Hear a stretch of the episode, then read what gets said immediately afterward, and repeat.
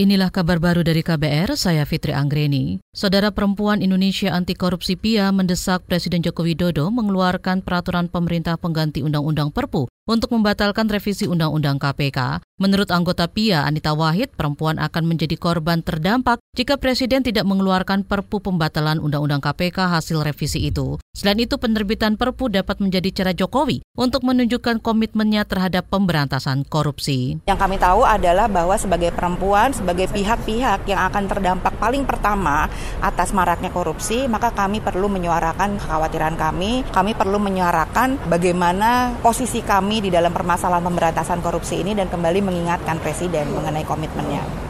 Anggota Perempuan Indonesia Anti Korupsi PIA Anita Wahid juga mengkritisi proses revisi Undang-Undang KPK yang tidak dilakukan kajian dan tidak melibatkan akademisi, termasuk ke Dewan Pengawas KPK yang akan menghambat usaha KPK nantinya. Saat ini Presiden Jokowi belum menerbitkan Perpu pembatalan Undang-Undang KPK hasil revisi meski telah didesak berbagai kalangan. Sementara Undang-Undang KPK hasil revisi akan berlaku pada 17 Oktober mendatang.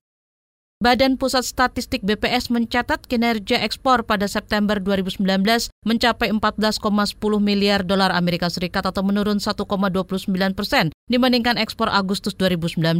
Kepala BPS Kecuk Suharyanto menyebut penurunan kinerja ekspor dipicu oleh sektor migas dan non-migas, sementara ekspor hasil pertanian malah meningkat. Nilai kumulatif selama Januari sampai dengan September 2019, total nilai ekspor kita adalah sebesar 124,17 miliar US dollar. Kita bandingkan dengan posisi Januari September 2018, berarti total ekspor kita menurun 8%.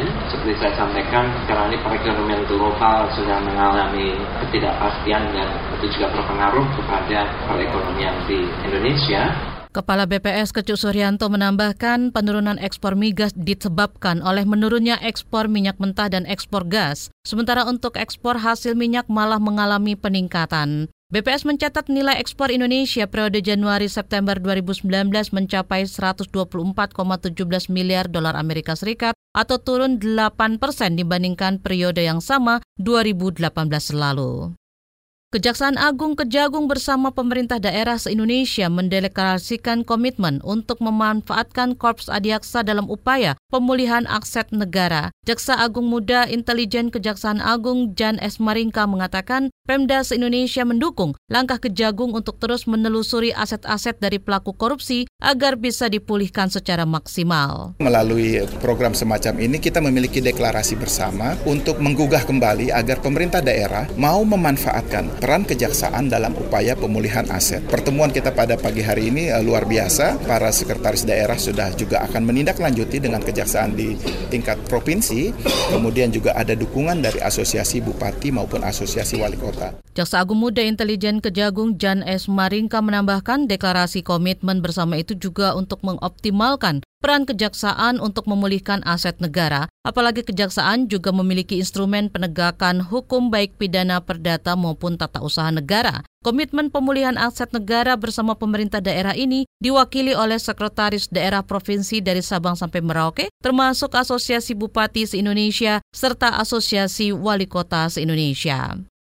Kejaksaan Negeri Banyuwangi, Jawa Timur menerima belasan pengaduan dugaan pungli saat pelaksanaan pendaftaran tanah sistematis lengkap atau PTSL 2019. Kepala Seksi Intelkam Kejari Banyuwangi Bagus Adi Saputra mengatakan, perkara yang dilaporkan dalam pelaksanaan PTSL itu terkait biaya pengurusan yang mahal. Padahal berdasarkan aturan yang berlaku, diperbolehkan ditarik biaya hanya Rp150.000 per orang. Sampai sejauh ini kami belum melihat keterkaitan adanya aliran uang ke kepala desa. Jadi penikmat uang itu sebetulnya lebih banyak ke Pokmas. Nah, Pokmas-Pokmas ini sendiri dia ini bekerja secara independen. Jadi kalau memang ditelusuri lebih jauh untuk alur pidananya pungutan liarnya itu dapat. Kecuali masyarakat bisa membuktikan pungutan liar itu diterima oleh Kades, maka dia jadi ranah tipikor. Kepala Seksi Intelkam Kejari Banyuwangi Bagus Adi Saputra menambahkan masih belum diketahui berapa kerugian negara dalam dugaan pungli pendaftaran tanah sistematis lengkap ini karena masih dalam tahap penyidikan.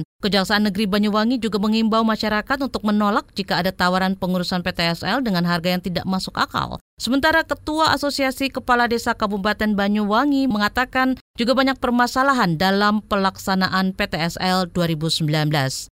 Demikian kabar baru dari KBR, saya Fitri Anggreni, salam.